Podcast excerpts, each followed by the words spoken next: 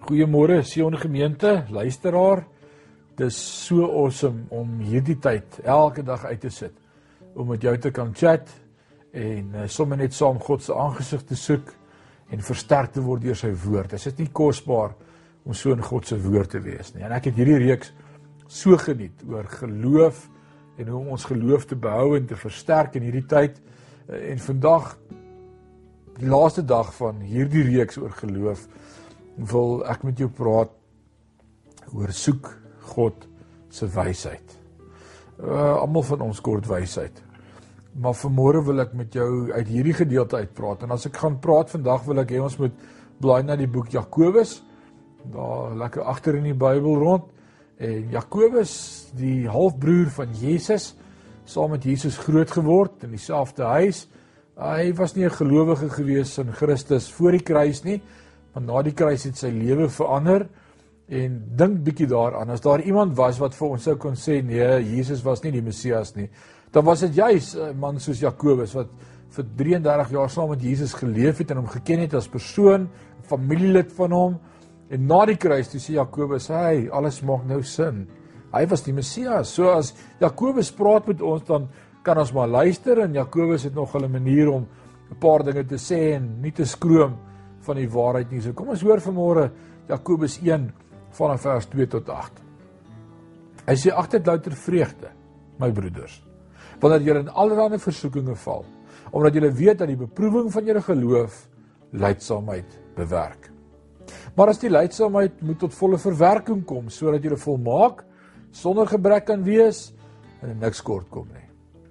En as iemand van julle wysheid kort kom, laat hom dit van God bid wat aan almal eenvoudig gee sonder om te verwyd. En dit sal aan hom gegee word. Maar hy moet in geloof bid sonder om te twyfel. Want hy wat twyfel is soos 'n golf van die see wat deur die wind gedrywe en voortgesweep word.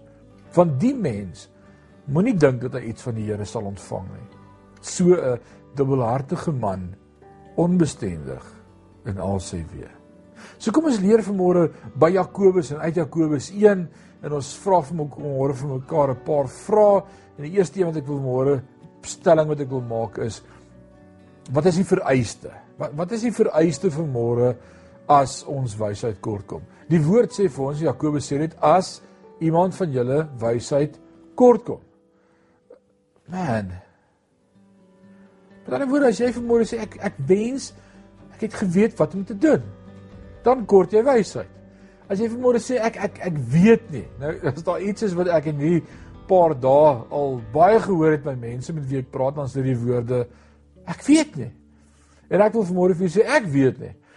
Maar dis die vereiste en die kriteria om hierdie belofte ook joune te maak vanmôre en wat 'n groot belofte is dit nie. Ons sal dit nou sien. So die vereiste vanmôre is om te sê ek ek weet nie. En ek wil vanmôre vir julle sê dis oukei om nie te weet nie. Ons leef in 'n wêreld waar ons so gereed is met antwoorde in Google en en advies en raad en ons dink ons weet alles en Google weet alles.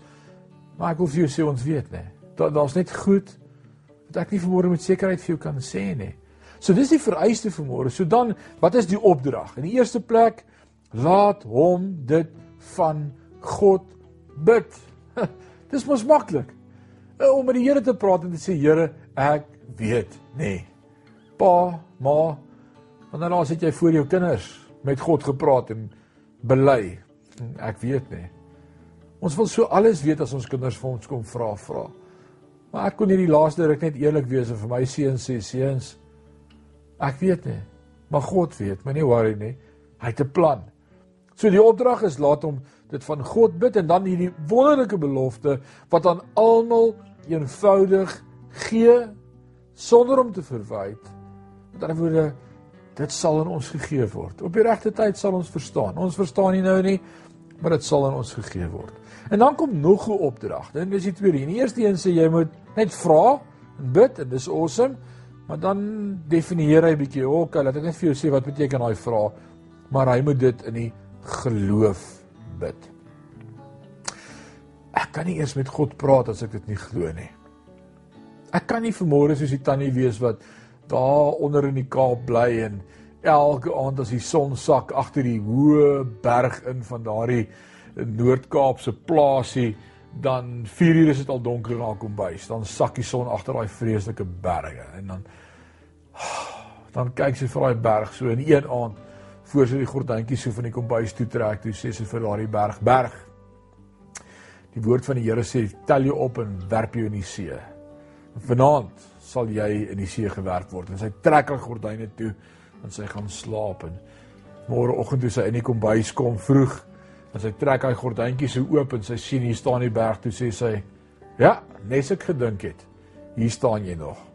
Dis nie om met geloof te bid nie. Met ander woorde geloof is daardie onwrikbare vaste vertroue dat God sal antwoord. En ek wil vir jou sê as ek bid oor ons omstandighede en dit wat gebeur in ons land en ons ekonomie en elkeen van ons dierbare kinders van die Here, dan bid ek dit met 'n onwrikbare vaste vertroue God sal vir ons voorsien. En mag jy vandag so saam met my bid. Met ander woorde, vertrou 100% op God vir die antwoord. Die antwoord is op pad.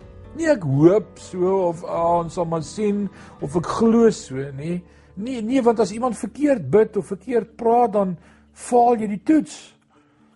Dan die derde opdrag en dis baie belangrik. Sonder om te twyfel. Ek kan nie sê ek het gebid en ek glo dit sal so gebeur, maar ek weet nie wanneer dit gaan gebeur nie. Sonder om te twyfel. En dan die gevolg as ek en jy sou twyfel en en, en dan het hy nogal vier reëls hieroor te skryf in my Bybel. Hy sê want hy wat twyfel is soos 'n golf van die see wat deur die wind gedryf en voortgesweep word. Want die mens moenie dink dat hy iets van Here sal ontvang nie, so 'n dubbelhartige man onbestendig en al sy weer. Nee nee, as ons vanmôre bid dan glo ons. Want want ons weet wie God is en ons weet dat hy ons vashou in die holte van sy hand. Maar wat sê Lukas 11 vers 9 Jesus praat met my en met jou. En hy sê en ek sê vir julle, bid en vir julle sal gegee word. Soek en julle sal vind. Klop en vir julle sal oopgemaak word. Ek wil vanmôre sê the purpose of testing is for our good. And the purpose for temptation is for our harm. So as ons vanmôre getoets word en ons is in hierdie toets en hierdie krisis all things worketh together for good for those who love God. Kom ons bid saam. Vader, dankie dat U woord ons leer. Alles werk net in goeie. Dankie dat Jakobus vanmôre U halfbroer ons kan kom leer en sê, "Hey, moenie twyfel nie. Moenie net nie twyfel nie. Glo vertrou, praat reg, bely, bly glo, die antwoord sal kom. En ons wil vir U dankie sê dat U 'n deurbraak sal stuur.